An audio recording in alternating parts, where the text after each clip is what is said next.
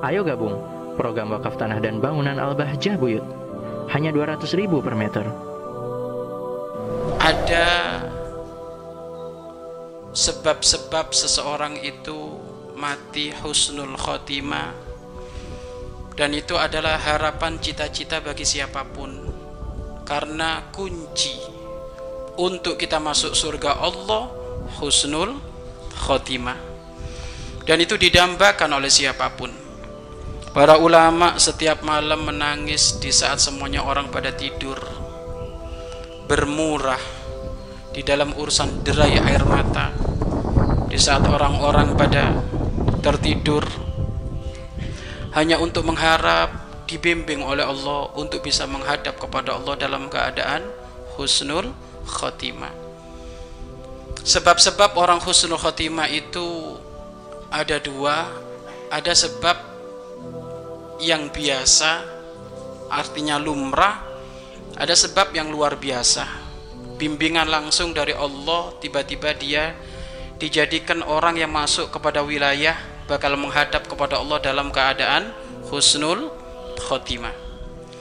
Ini berdasarkan hadis baginda agung Nabi Muhammad sallallahu alaihi wasallam bahwasannya ada seseorang begitu semangat di dalam melakukan amal kebaikan.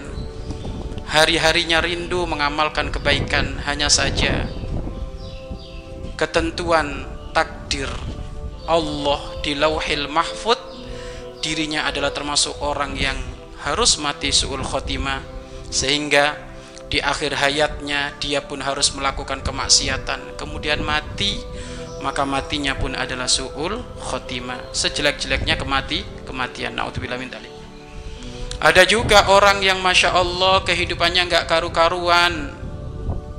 Sholat jarang maksiat terus mabuk terus nyuri terus macam-macam sudah. Akan tapi ketentuannya di hadapan Allah dia meninggal dalam keadaan husnul khotimah sehingga di akhir hayatnya dia melaksanakan tobat.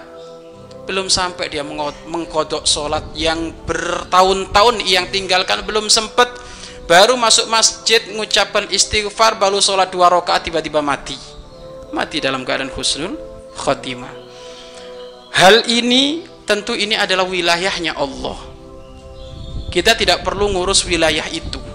Tetapi kita hendaknya mewaspadai hal-hal yang menjadikan sebab kita ini nanti mati jel, jelek itu saja.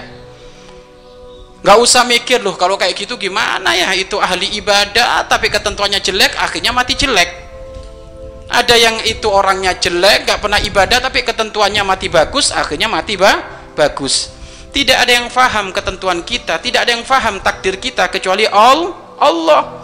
Maka kalau kita nggak faham urusan takdir Allah ya sudah. Jadikan itu adalah imanmu kepada sesuatu yang gaib yaitu kepada takdir Allah intinya adalah engkau dikasih akal oleh Allah. Dengan akalmu ini engkau bisa melihat mana jalan yang benar mana jalan yang salah kemudian didukung dengan keimanan di dalam hati hati kita.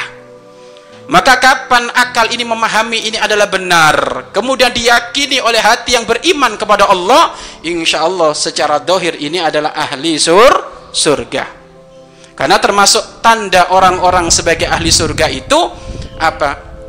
Ada kemudahan dia di dalam melakukan kebaik kebaikan. Mari berinfak untuk operasional lembaga pengembangan dakwah Bahjah Buyut